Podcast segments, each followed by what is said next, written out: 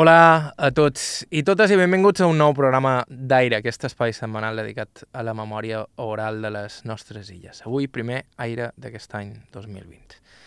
I avui, com ja vàrem fer la setmana passada i aprofitant les festes de Nadal, amb un programa especial en què recuperarem alguns dels testimonis més destacats d'aquests darrers mesos. I si en el programa de Nadal vàrem escoltar les veus de diversos pescadors, tant de Mallorca com de Menorca, en el programa d'avui volien centrar-nos especialment en les dones. Sempre dèiem per aquí que les dones tenen una relació especial en la memòria, una manera pròpia de contar les coses, i les tres protagonistes d'avui en són un bon exemple. En concret, escoltarem les veus de Maria Martorell Palau, nascuda el 1925 a Pollença, Antònia Cànavas, també Pollancina, però nascuda al 1930, i Magdalena Garau, nascuda a Caimari el 1926, totes tres de Mallorca. I totes tres dones excepcionals, testimonis d'un temps que s'han esvaït gairebé per complet, en què la dona era molt diferent a com és ara, òbviament, però a la vegada, com per exemple escoltarem ara en uns segons, també en aquells temps et podies trobar una mestra d'escola que duia calçons llargs i anava en moto. Aquest és el cas, per exemple, de Maria Martorell, la Maria de la Casa de la Vila, com la coneixen a Pollença. Son pare era el saig de l'Ajuntament, una mena de conserge, i de petita vivia allà mateix. I va passar els dies de la Guerra Civil i hi va estar fins que es va independitzar, un cop es va fer mestre després de passar les oposicions a Barcelona. Aquesta és la seva història. Maria Milterell Palau, jo vaig néixer el 26 d'agost l'any 24.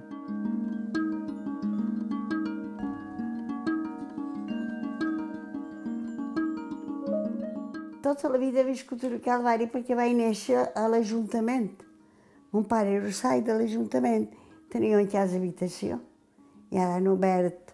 Allà on vaig néixer ja no hi havia la Palmera, que estaven antes.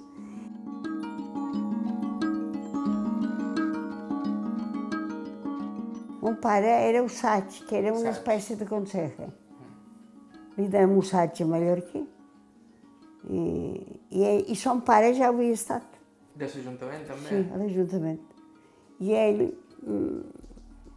era fill únic, ja fill de fill únic, i clar, eh, va heredar d'això supòs, i, i era un usatge, era una espècie, li deien satge amb bequis supos que era una espècie de conserge, perquè aquell era, amb això li ha semblat John Poll, que tenia una memòria, memòria privilegiada, quan venien, perquè llavors el temps del moviment, um, havien de venir pagesos a declarar, a declarar el blat que havien coït i tot això.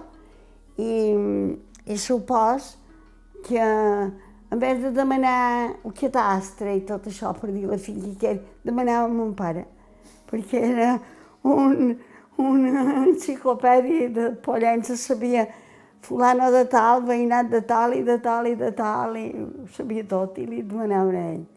Perquè molta gent no sabia ni llegir, i li demanaven datos a ell. Venien a declarar el blat que havien agafat.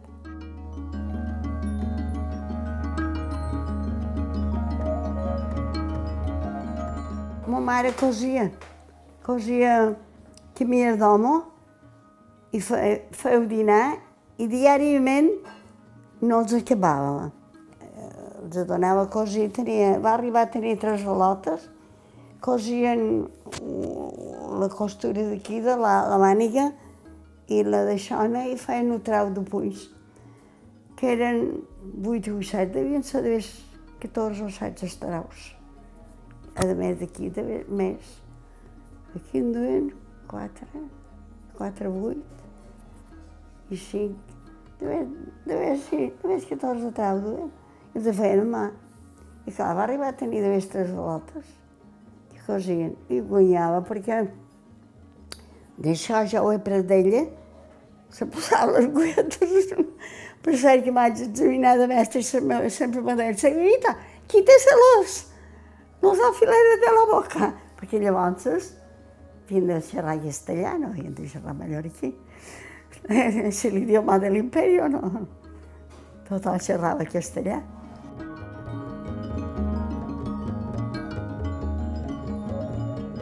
Vaig viure tot això i va haver... Primer va venir una república moderada, després va venir un frente popular i després va tornar a venir una altra república.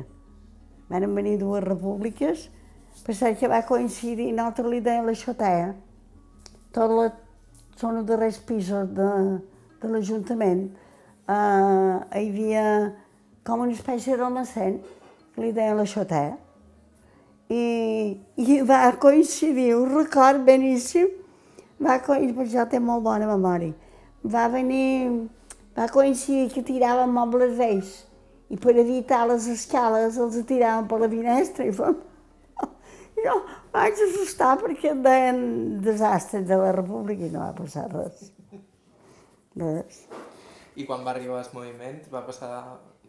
Va... Bueno, hi va haver Frente Popular, que era una espècie de república però més, diria com un comunisme, però sense ser comunisme, en el Frente Popular, i, varen posar tot, tot l'Ajuntament, tots els empleats dels seus, diríem, i mon pare el va entrar, però quan tenia un dret um, a, a vivenda, ell va dir que no se volia moure, i era un poc polític, un poc molt, i, i, i dormia en l'escopeta, me'n record, en el xalet d'allí, perquè cada vespre hi havia un passillo, i em podien passar,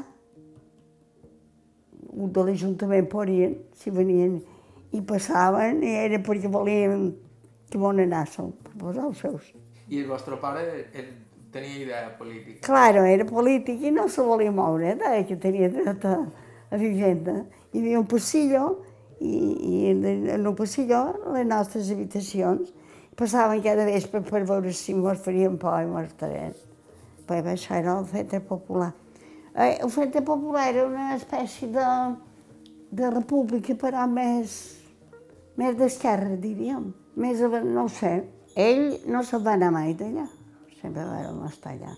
I després va haver-hi un moviment, i en el moviment van cedir les habitacions a, a dos tinents, que una era Jordana, que era fill d'un general Jordana, i l'altre era Nordovàs, m'apareix. Ara se va treure una cançó, Somos la falange de polies a la que manda el teniente Ordovàs, que salimos prestos a la lucha y no recedemos, y no retrocedemos jamás. I la gent la cantava per aquí. I ma mare els feia l'habitació neta i se torcava, me'n record.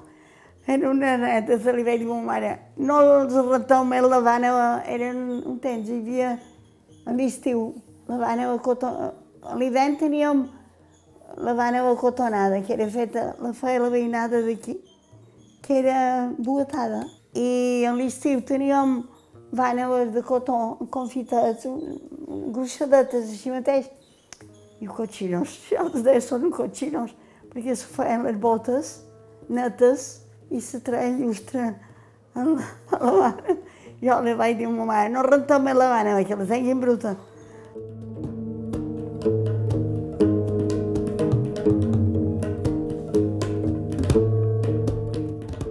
I quant de germans éreu? Jo, filla, mon pare era fill únic, jo filla única, i el predí eren dos.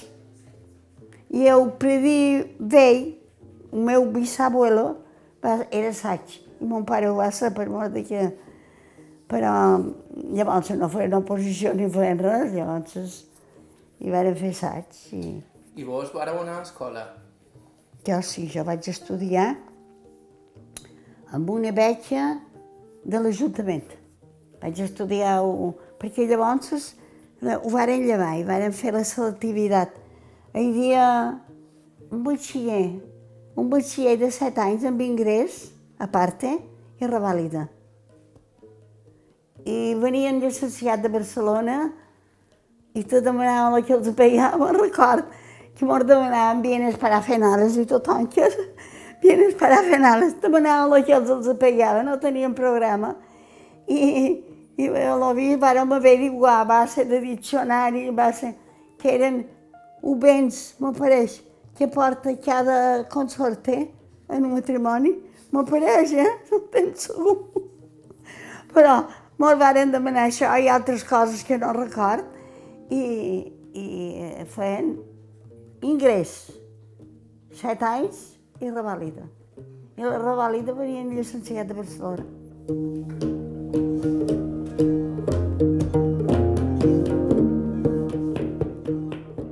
Perquè jo vaig començar el batxiller a 14 anys.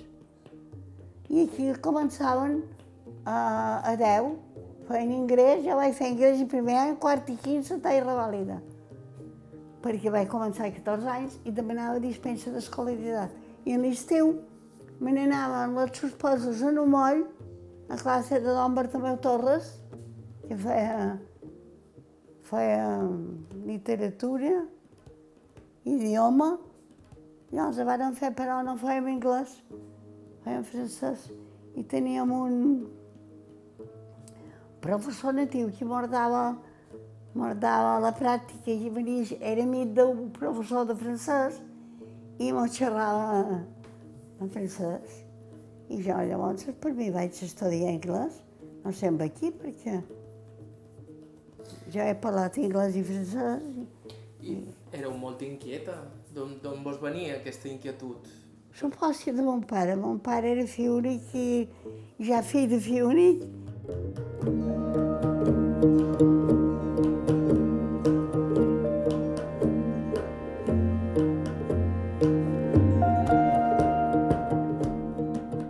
vaig acudir a un, un decret, com que aquí no hi havia universitat, hi havia molt de mestres, i va sortir un decret com mentre tots els que tenien un batxiller aprovat, la revàlida incluïda, podien fer unes assignatures pròpies de magisteri que eren pedagogies, músiques i gimnàsia, m'apareix que era.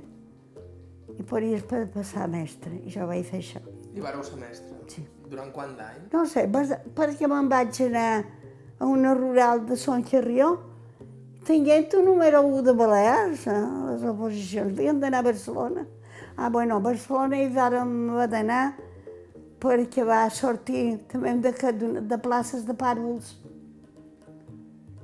Pàrvuls eren de, de 7 anys, de 10, m'aparé bé exactament, no sé què era. Sé que eren un parvulari, eren un petitons de tot de, de magisteri. I vaig haver d'anar a Barcelona a fer oposicions, perquè sortien per oposició. Vaig anar a Barcelona i eren unes oposicions que feien reals, perquè hi havia més places que mestres. Com que llavors anar a Barcelona era algo de, que i, i no hi havia opositores. Hi havia, diria, més places que mestres. Més, més places que gent no se va presentar. Però estaven publicades a Barcelona, no, no a Mallorca.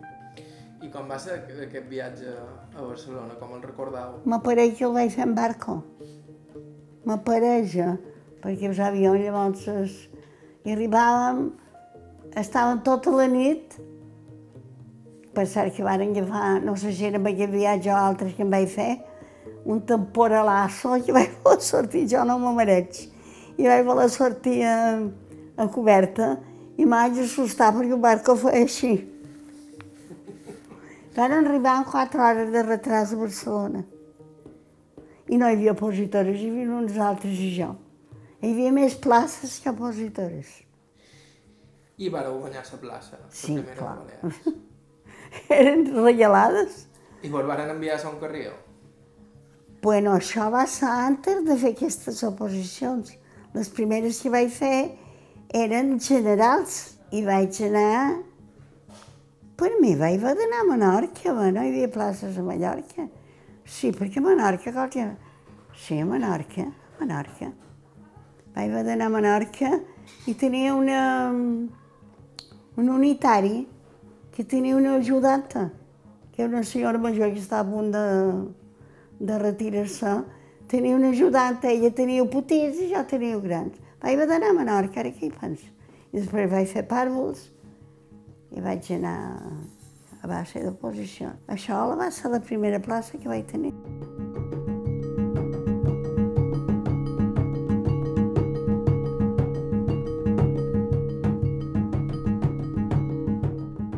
vaig anar a fer oposicions um. a Barcelona de, de pàrvols, perquè aquí no hi havia places. Jo me'n vaig anar, lo número 1. M'està lleig ara dir-ho, però no. En dos punts d'avantatge d'un número 2 a Menorca aquí no hi havia places. Perquè les monges se'l menjaven tot. I hi havia dos convents de monges que feien escola. I n'hi havia qualcuna que quasi no sabia res. Ja, no, no devien... Però feia pobre anar a les mestres. Hi havia mestres ja. Hi havia quatre mestres casades amb pollancins. I dues almenys, Dona Francisca Barceló i Dona Geroni, dos homes de Pollença, que jo crec que sabien ben poc de... No, llavors anaven les monges i les monges quasi no sabien i feien escola. Però feien pobre per anar a les mestres.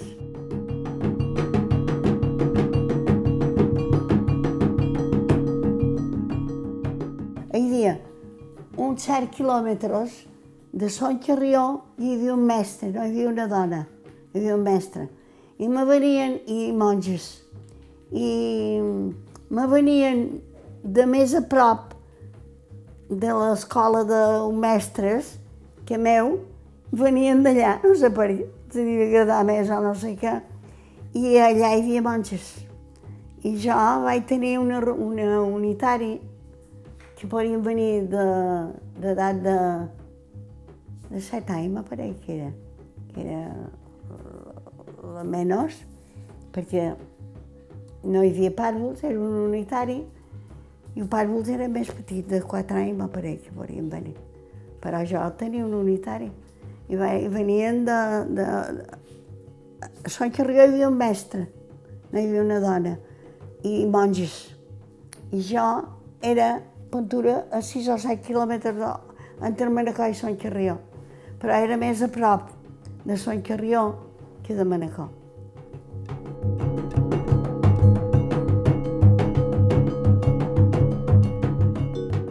Jo devia tenir 17-18 anys i jo eh, feia més de 60 quilòmetres en moto. Cada perquè dia? Vaig armar una moto. No, cada dia no. Ah, cada... Tenia una tia a Manacor i anava dissabte, anava cada 15 dies a Pollença, 60 quilòmetres més a la Poc. I tot el crever de la Pobla estava sense asfaltar. No li volien asfaltat perquè eren carros. I hi havia una gent, pam, i, i vaig armar una moto perquè havia de fer tres hores bones a esperar a Inca en un tren que venia de... I m'havia d'anar a Manacor i de Manacor havia de llevar la bicicleta i m'havia d'anar... Uh, I clar, vaig armar una moto. I llavors no hi havia ningú que anés amb moto. Això vos anava a dir, no? I de, devíeu ser de les primeres dones Sortia moto. tothom, una dona en moto, una dona en moto. I jo me recordo que arribava amb una fretada perquè duia pantalons de vaqueros que eren calents perquè no deixen passar, però una bona jiqueta arribaven a la vernada. I la gent d'allà era una gent molt agradable perquè n'hi havia que no havia anat mai en cotxe. I en canvi trobava molt normal que jo dugués pantalons. Perquè, clar, jo arribava a, a, a, amb una fretada tremenda, 60 quilòmetres en moto. És a dir, anàveu en calçons... En i calçons I en moto. i en moto, I de, devia ser una cosa no vista. claro, pots sortir tothom per un camí.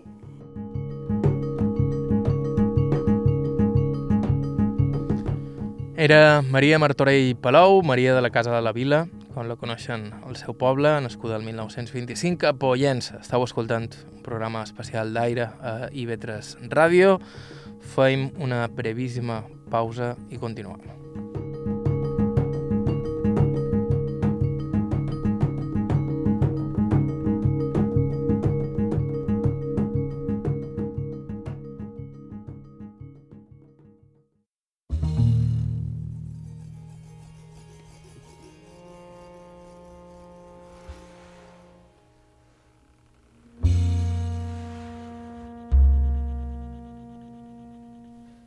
Hola de nou, això és IB3 Ràdio, estàu escoltant Aire avui amb un programa especial en què estem recuperant alguns dels testimonis que més ens han agradat dels que han passat per aquí en els darrers mesos. Avui en concret, veus de dones.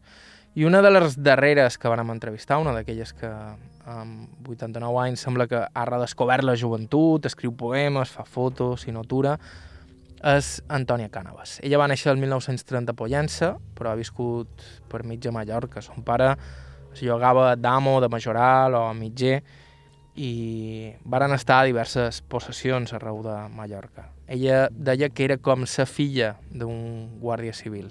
Però amb ella també varen parlar moltíssim del grup excursionista del que va formar part de Nina, una font inesgotable d'anècdotes.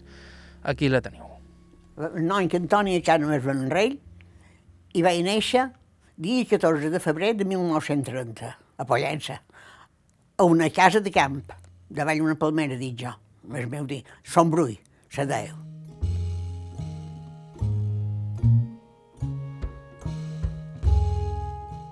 El terme de Brull és bastant gran, hi ha unes cases molt grosses, però això eren finques de X corterades i vaig viure, vaig néixer aquí. I després d'aquí me'n vaig anar a viure en el Rafal d'Ariant. Aquí vaig començar a caminar entre mar i la terra i allà veia la mà, vaig començar a estimar la mà i les muntanyes i, i tot això, i cementers molt grans, ovelles que pasturaven, i ma mare que filava, els guardava i els guardava un bon xà, un xà molt intel·ligent. Mon pare se dedicava, era una finca que no hi havia molt de conradís de, de blat i això no, però hi havia ametlers, figueral i tot això, i venien jovenots, direm, a collir les temporades moltes familiars de ma mare, que tenia un germà jove, direm, de 16 anys o això, i venien quatre amics seus a collir meles, i mon pare després, a pesar de lo que els adorava, els matava un xibridet, o un xibrit, o una cabra o la que fos, i menjaven carn en aquell temps bastament, i això era... Uh, se, se morien per demanar en el seu amic per poder venir allà a fer la temporada a Molla, direm. Però varen passar els anys i en l'any 1936 es va posar guerra i nosaltres allà no mos, no, no mos hi arribava res, només els que venien de Pollença i allà s'arribava amb un cavall, amb un sobera, la que fos. I quant de temps estava de Pollença? Jo no ho sé exacte, però de vestes hores, de Sant Grua, en, bast, en basti i sobera, o mula, perquè tenien de tot. Jo de petitona anava a dins una beassa, per, per, perquè no m'aguantava damunt d'això. Anava, m'hi venia, mi, la gent que m'ho duia notícies de lo que havia passat, però allà ens hem bombardejat aquí o allà, però de, jo no m'enterava res fins que van venir els falangistes, vestits de falangistes, o sigui, té fletxes i això, i corre per maia, i amb dos fusils, vamos, cada un duia un fusil, les joves de 18 anys, que no sabien manejar-lo, se'n van anar a la xaleta, van voler tirar la barca a l'aigua, no la van saber pujar, l'aigua se va i el senyor quan va venir va veure que no tenia barca. Uh, quan s'ha enfadat. Mon pare Rafael, qui era? Mon pare diu, venia uns cada, cada vuit dies hi havia canvi. Diu, això, no se podia controlar qui eren i qui no eren. Nosaltres estàvem, a, a, a mi, que fos nostre tot, vamos, per tenir que la finca, estàvem lluny de, la, de la, les cases de la playa, direm la cala, no hi havia playa, eren roques, però hi havia un embarcadero per treure la barca, va desaparèixer. I aquells joves, bueno, havien de tirar qualque banda, feia el tiró blanc, pues, una mica, les cabres simples, que estaven més a prop, perquè les horades o salvatges, que se diuen, pues, estaven a lluny. I quan estaven a lluny, no, tiraven a les de prop. I mon pare, clar, no, s'enfadava. I mon mare, no vull estar aquí, no vull estar aquí, volen anar a Pollença, volen anar a Pollença, aquí. I l'any que va venir davant, el passer, això era el 36, el 37, pues el 37, dins el 37, on anaren a estar a Pollença, allà van quedar sense res, diran sense res en el sentit que dins una casa de Pollença que estàvem fent una casa, teníem els baixos fets, on per anar, però no tenia hora ni per posar un carro, ni per posar dues vistes, ni per posar... Tot va quedar no sé com, perquè jo no me'n recorda, però on anàrem allà i mon pare s'ha posat a fer feina allà on em trobava.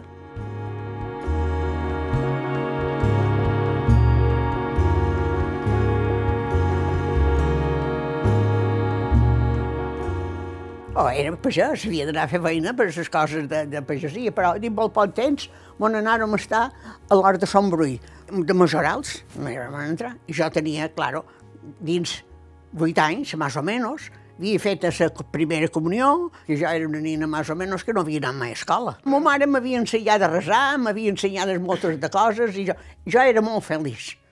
Jo de nina era, haver estat molt feliç.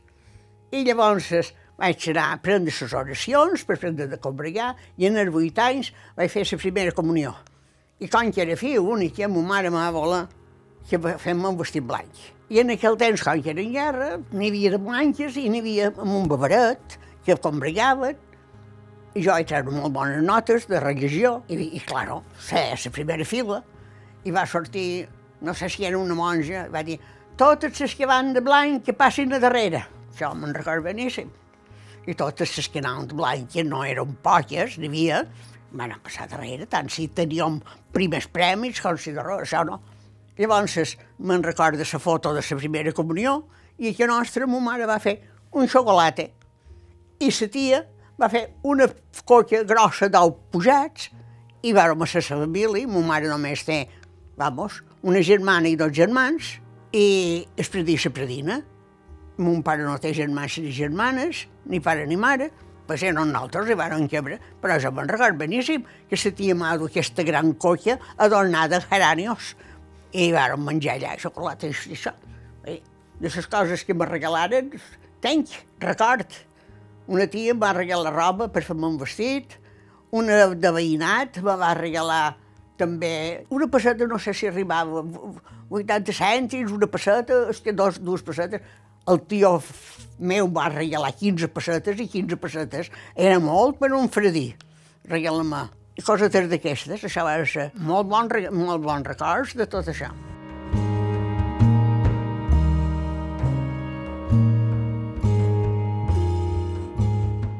Jo vaig anar a escola després, a Vila de Grossa tenia un mestre de, l'escola graduada, direm, i va dir a ma mare, se té venir, cal les monges només anar per nostres i, i resar és resar. Si el poses a l'escola nacional, l'escola que la tenien de vora, allà la teva nina pujarà. Jo tenia vuit anys i me varen passar a l'escola de que nostra, l'escola graduada. I, clar, tenia vuit anys, però pareixia que tenia quatre. Eren patenga. I les mostres me van agafar en carinyo. Hasta tot quan tenia les nines voltant, ja me posava damunt i més o menys vaig sortir més o menys intel·ligent, se pot dir intel·ligent perquè me destacava bastant. Els vostres pares vos havien ensenyat a llegir i escriure així mateix? No, no, no, no. Mon, pa, mon mare, mon pare sabia fer un nom amb això. Sabia posar el seu nom, però al cap tenia una calculadora, va? Tenia una calculadora, li ponia dir a tot, pam, pam, pam, pam. Era una calculadora que tenia dins el cap. Això, a vegades me deia, vam, fer aquest compte, Antòria, de multiplicar, i jo, pam, pam, pam, i, i ell ja m'havia dit el resultat, tot, sí. Ma mare sabia, havia estat en Buenos Aires, va venir ja gran, i sabia posar el seu nom i sabia, escriure, sabia llegir i escriure, però no correctament. No, no era un desert. I ma mare volia que jo sabies tot el que ella no, no va poder. Vaig començar i vaig anar a les mestres, aquestes, bastant bé, va anar bastant bé. En els 12 anys no els tenia, van passejar a l'escola superior. I a l'escola superior la mestra era sorda. I no mos enteníem. Perquè darrere no portava a estudiar, perquè n'hi havia una darrere que tenia un llibre i te deia la lliçó, i tot, tot, tot, tot I, tant si ho sabies com tot anava bé. I això, això no, no m'anava bé. I, I ma mare va dir a l'altra mestra d'antes, va dir, no podria tornar. Diu, no, ara ja ha passat en aquesta, no pot tornar enrere. I va ser l'any que Pollença se va obrir l'acadèmia mercantil. Hi havia l'institut, l'institut jo sempre l'he conegut a Pollença. I va començar l'acadèmia mercantil, que feia el comerç, i dèiem... I ma mare va apuntar allà. Vaig fer ingrés i primer un any. Era, era un motoret, és vera. I el mestre estava molt content, disfrutava, i el meu professor d'allà era professor de l'institut, però d'inglès, i se va empenyar a que jo estudiés anglès. De mecanografia me'n record que m'han examinar en les van tapades, una llauna així tapada, i va començar a això, vaig treure un set, això me'n record, perquè va ser la nota més baixa que vaig treure, que vaig tenir un disgust. I llavors, de, de que vaig acabar, vaig posar a corte, dos anys de corte. Corte i confessió, tota la roba meva i de ma mare ja no em va portar a, a donar mai cap modista. Després vaig posar a brodar. I en les la professora era una dona que li agradava molt fer montallisme, o sigui, caminar per aquí i per allà. I varen pensar d'anar a sol a peu, el grup de les brodadores d'anar a sol a peu. I va dir, mos entrenarem una mica, i anam, a on anam? Però jo a Rafal d'Ariant, que tot allò és molt guapo, ton pare mos hi pots acompanyar, mon pare, i mos hi acompanyàrem, i nosaltres en aquell temps estàvem a la possessió de Pedrocella, Pedrocella Gran, i hi havia un camí però no de, de carro per pujar a, a, a la Torre d'Ariat. Per no fer tant de camí amb, un, el grup de les meves amigues quedaron allà, que era el mateix camí. La nostra professora, en dues amigues seves, varen quedar, i altres alumnes varen quedar a, a la torre, que era un poc més, més allà, a fi de no fugir de Pollença en bicicleta i, llavors es posa a caminar. I mon pare me'l va acompanyar, que ho sabien això de, de carretilla, tot allò.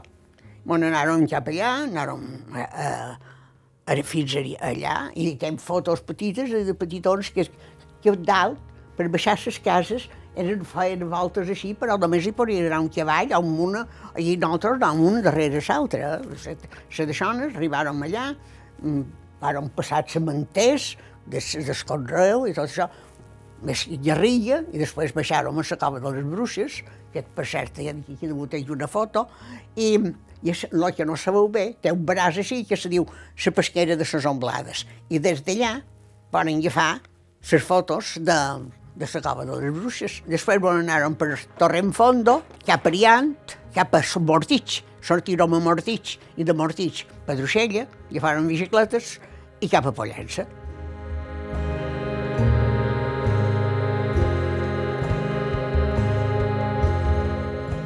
una excursió que fèrem de, de Pollença a Sollapeu. Ens entrenàrem primer a anar a de les Bruses, i tot això. Després anàrem a Sollapeu. Quedàrem a Lluc i anàvem ja amb motxilles, el que encara no duem que els auxiliars. Anàvem amb faltes, i, i, però nosaltres ja duem motxilla. I hi havia que duien la seraya. I les que ens acompanyaven eren molt hi havia una farmacèutica, hi havia la professora d'això, després dues amigues seves, que eren les persones majors, que vos feien de... No, perquè no anàvem en lloc totes soles, tenien de set anys. I diu, jo vos vull tenir lluny ben controlades. Vos estireu a dins el quart, vos tancaré, i l'endemà de matí no me, vos fugireu, per aquí i per allà, diu, perquè jo les vull tenir controlades. Bueno, I quan vam anar per anar a besar la Mare de Déu, quan que duem calcetinets, ens van dir no, no hi podem anar, perquè no hi poden anar en calcetins, han de dur calces. Eh, allà arrendaven calces i bicicletes, perquè no hi podies anar ni màniga curta ni sense calces. Pensa tu, que jo m'ho volgués posar les calces. Jo no m'havia duit mai, jo duia calcetins. En havia duit sí, però per vestir, només. I res diu, la professora nostra diu, no, aquesta nina són de molt bona casa, va, diu, aquesta té un tio capellà. A una de la cania diu, ai, no, anau, anau, anau, a besar-lo. Per, per que hi havia lluny. Això, eh? Sí, perquè van tenir un tio capellà, totes van per anar a besar la Mare de Déu. Però si sense tio capellà, en, en calcetinets no hi podíem anar. M'havien d'arrendar les monges, unes calces i una jiqueta.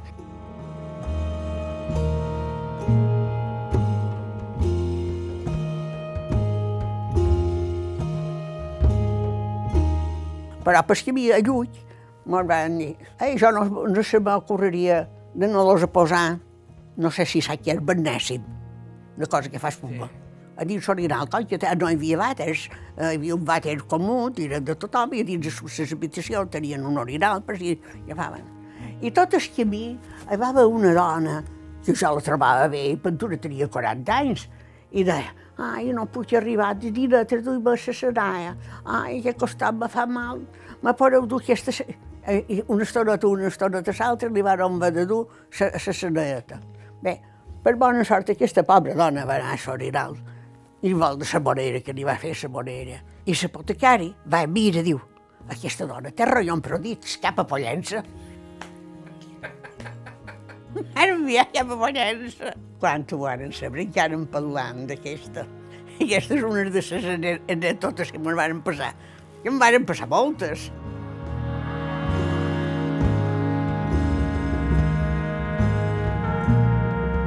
Increïble, com hem comentat Antònia Cànovas, 89 anys, i una dona amb una energia increïble que des de que es va jubilar ha començat a escriure poesia, s'ha aficionat a la fotografia... Aquesta era la seva història, a part d'ella, de fet, aprofitant per recordar-vos que si voleu escoltar el programa íntegre en què apareixia en Antònia, ho podeu fer a ivetresalacarta.com, on trobareu tot l'arxiu del programa, així com també a iTunes o qualsevol eina de sindicació o podcasts. Nosaltres fem una darrera pausa i escoltam la última veu del dia d'avui.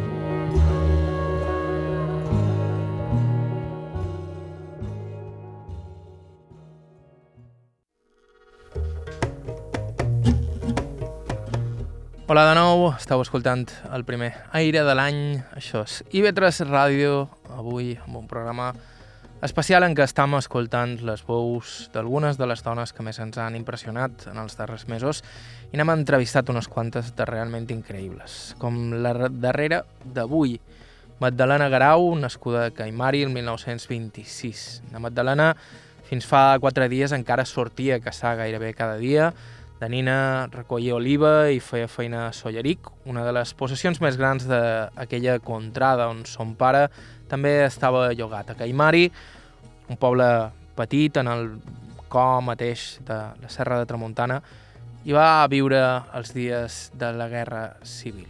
Les seves memòries són o oh, pur. Aquí les teniu. Magdalena Garau Gelabert. Jo vaig néixer dia 13 d'octubre de l'any 26. En què se dedicaven els teus pares? A fer carbó i a cuir oliva. Si era lo típic de Caimari. Els homes feien carbó i cuien oliva i això. Hi havia molt de ranxos per aquí? Sí, bastants. Però nosaltres no les fèiem en el terme de per aquí.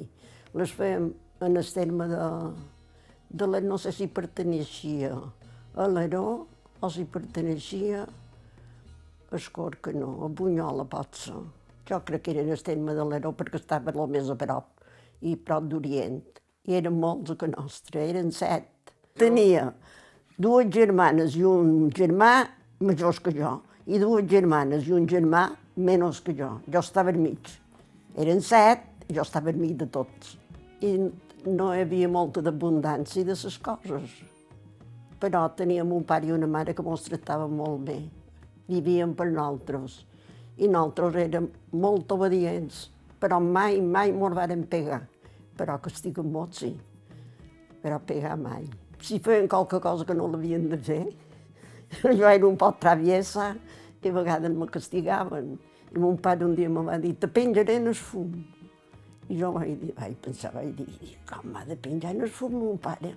Com me va penjar en el fum? I el fum no té res per enganxar.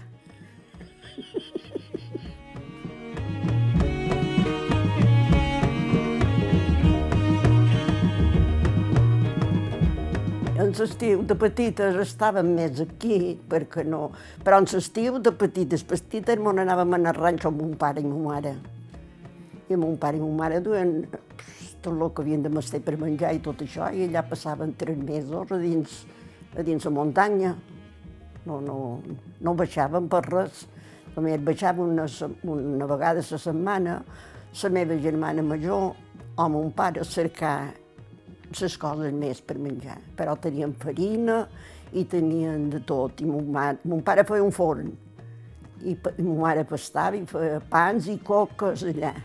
I, estàvem en el ranxo ben felices, no, no havien conegut res més i eren ben felices.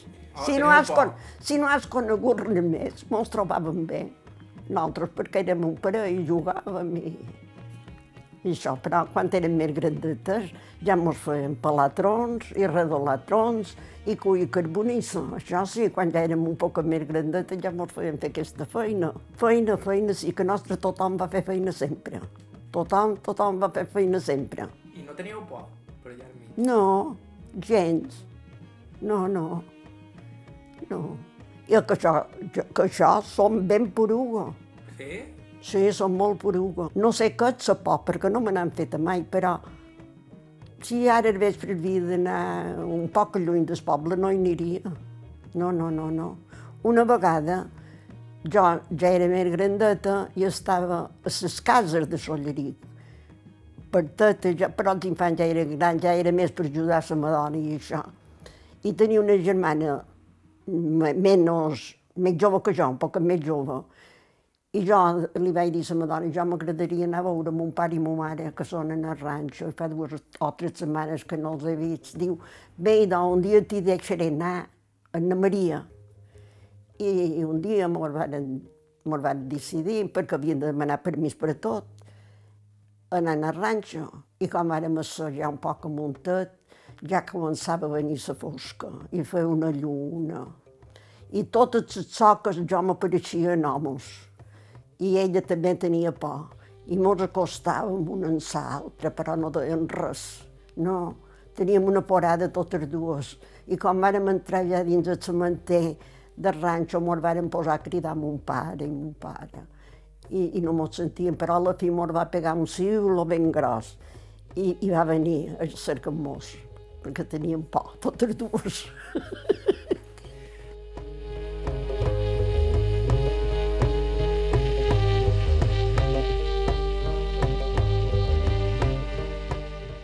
escola hi vareu anar? Poc, ben poc, en sonin en el costat, però no vaig saber llegir ni escriure, quasi, quasi. Però hi havia una monja i aquesta monja me va agafar molt bé, que li deien Sor Maria del Bon Camí, i me deia, vine, vine, jo t'ensenyaré un poquet. I me, fe, me feia dues retxes en el preparatori i me deia, demà les me diràs. Jo li deia sí. I, i anava i les hi deia, perquè gràcies a Déu era aprenent. No, no, no era molt... e- Era aprenent, però me donava poc. I gràcies a aquesta monja vaig aprendre una mica, però llegir i escriure molt poc, quasi gens. Quasi, quasi gens. A que nostra, eh, tot d'una que podíem fer feina, ja fèiem feina. Sí. Hi havia guardat el lot, havia fet de teta, hi havia guardat el lot, i havia anat a cuir oliva, i, i aquí feien sabates, però quan feia sabates jo ja era casada, però aquí en Sivern hi havia un taller, aquí, a l'entrada de Caimari, i m'ordenaven feina, i era vespres, feien sabates per guanyar una passeta, per poder comprar un panet, o per poder comprar, perquè era necessari fer-ne. No podien viure de sushi. Jo crec que en els tres anys ja anaven al ranxo. I a, sa, i a les cases hi vaig anar que tenia 11 anys. No, 10 en tenia, 10 i algo. I vaig estar a les cases fins a les 12 i pico. I després ja me posaren a fer feina amb les altres. Tota la vida, fins que me vaig casar.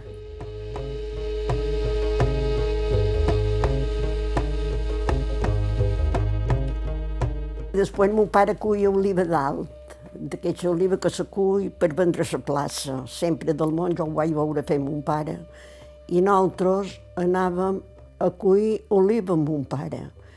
Els homes que tenia que cuien l'oliva, jo i dues germanes més, mera major, la triàvem en terra, a damunt d'un sol de saqueta. I omplíem els canastres i després venia un carro a cercar-los, un carreter, i s'enduia l'oliva.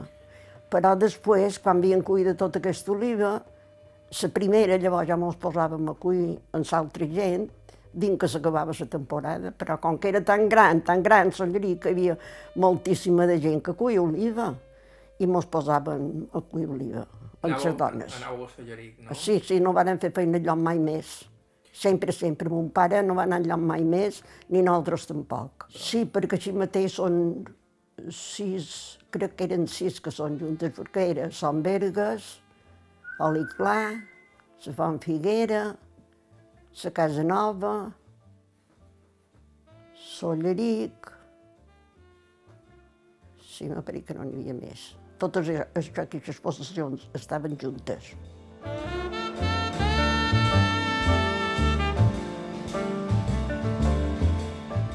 de cap a cap d'any devíem ser nosaltres, germanes, que eren quatre, perquè la Margalida no venia, i llavors venien tres de l'Heró, que eren, eren set. Aquests set hi feien sempre feina allà. En l'estiu ho feien, emblanquinaven les cases, jo no em vaig emblanquinar mai, però les meves germanes sí. O, feien les caseternetes, o feien coses de per les cases, o la tafona, tot això. A, fi, a final de temporada tot se netejava, tot se netejava i nosaltres hi fèiem feina sempre. Tot l'any acabaven soques, amb, un forco, amb, una, amb una forca i un fussó plegàvem el que havíem fet i fèiem volts i quan cuíem oliva allò servia per encalentir molts mans. Pegàvem foc, mos encalentien les mans. I m'on anàvem a dillunsos amb una bona fosca perquè les set havien de sellar perquè ser de l'Ero arribàvem i no podíem arribar més tard. Caminant, caminant, tres hores i mitja, fent molta de via. M'on anàvem cap a la Colomina d'aquí, llavors passàvem cap a Son Ardines, de, Son, de Son Ardines a Oli Clar i d'Oli Clar cap a Solleric.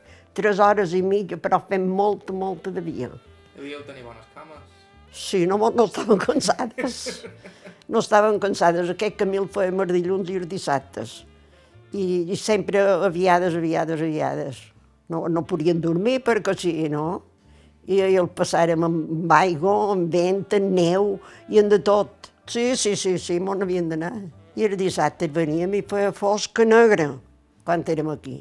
I el dilluns havien de tornar, on havien de rentar la roba que duem i si havien de vestir-se qualque cosa, ho havien de fer tot el diumenge. No eren bromes, no. Ara, però mos trobàvem bé. Jo, quan penso dir quina vida, quina vida, però com que no havia conegut res més, me trobava, me trobava bé. La veritat que sí.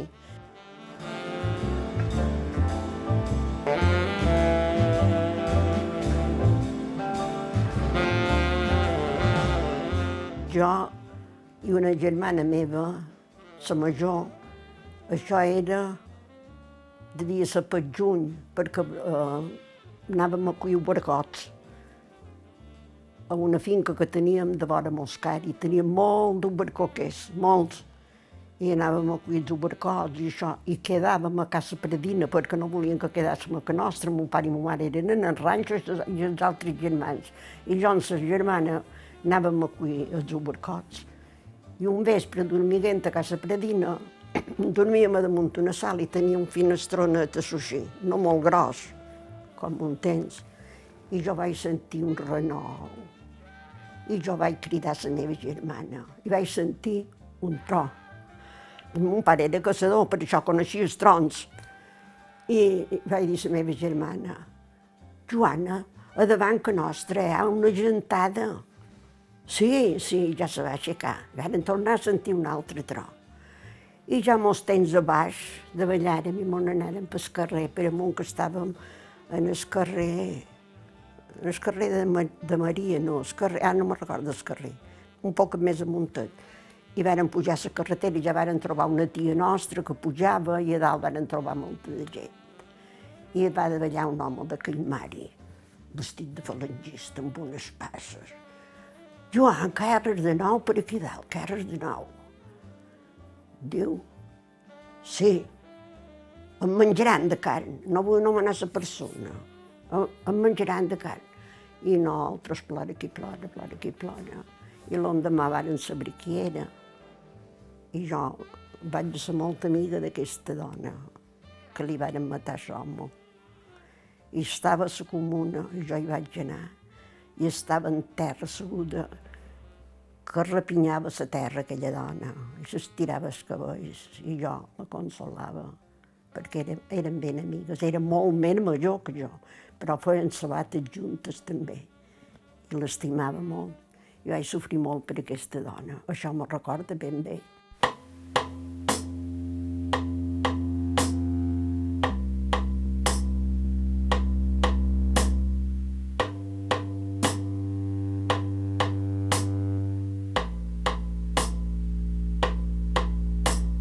I fins aquí el programa d'avui. Una salutació cordial de tot l'equip del programa. Esperam que hàgiu començat bé aquest 2020.